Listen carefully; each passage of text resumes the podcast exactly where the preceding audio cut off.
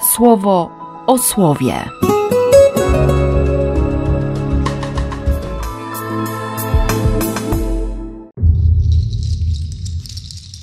Trzynasty maja, piątek. I Paweł mówi dalej. Słuchajcie, gdyż to do nas wszystkich zostało skierowane słowo, które przynosi zbawienie. Liczę, że postąpicie lepiej niż mieszkańcy Jerozolimy oraz ich przywódcy, którzy nie uznali Jezusa, ale odrzucając go, zrealizowali wszystko, co zostało zapowiedziane przez proroków, których słowa odczytywane są w każdy szabat. Zażądali od Piłata, by go ukrzyżował. Został zdjęty z krzyża i złożony do grobu. Jednak Bożą mocą powstał z martwych. Dzisiaj także i my chcemy przekazać Wam ową wspaniałą wiadomość – iż obietnica, jaka została dana naszym ojcom, zrealizowała się na oczach nas wszystkich. Bóg dokonał tego, ukazując swą moc w zmartwychwstaniu Jezusa. Przypomniał im historię, to Boże prowadzenie i pokazał ten najważniejszy moment. Oczywiście wiemy, że, że reakcja po tygodniu wcale nie będzie obiecująca i pozytywna może po to, żeby się wypełniło inne słowo z Izajasza. Moje myśli nie są myślami waszymi. Moje drogi, no nie przystają do waszych ścieżek.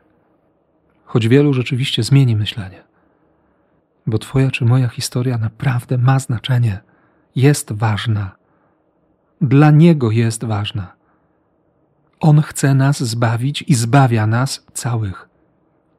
Z całą przeszłością, której się wstydzę, od której uciekam, z tym wszystkim, co we mnie teraz siedzi i w jaki sposób żyję. I z tą przyszłością, która jest zakryta, ale, ale przecież będę w niej szukać szczęścia. Nie? Ty zresztą też. I dlatego Jezus już po wyjściu Judasza, po ucieczce Judasza i po tej mrożącej krew w żyłach zapowiedzi, że, że Piotr zdradzi. Patrzy na pozostałych uczniów i od razu mówi – nie pozwólcie na to, by wasze serca pogrążyły się w zamęcie. Jeśli ufacie Bogu, zaufajcie i mnie. Wrócę tu, by zabrać was do siebie, abyście i wy byli tam, gdzie ja jestem. Panie, przecież nie wiemy, gdzie się wybierasz. Ja jestem drogą, prawdą i życiem. Tak proste, tak fundamentalne. Tak bardzo nie nasze, cały czas. Nie? Ale po to Pan daje nam dzisiaj właśnie takie słowo, żeby jeszcze raz przypomnieć żebyśmy patrząc dzisiaj na Miriam, zjawiającą się w Fatimie, wiedzieli, że, że ciągle się można nawracać, że ciągle go można prosić o to uwolnienie z zamętu, z lęku, przestrachu, przerażenia, bo te nasze pomysły czasami naprawdę budzą grozę w sercu.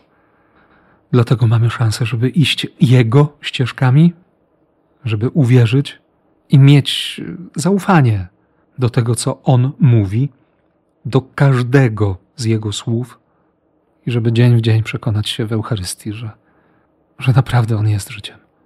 I to życiem, które chce się ofiarować, które chce mnie, które chce Ciebie ożywić. Niech się tak stanie. W imię Ojca i Syna i Ducha Świętego. Amen. Słowo o słowie.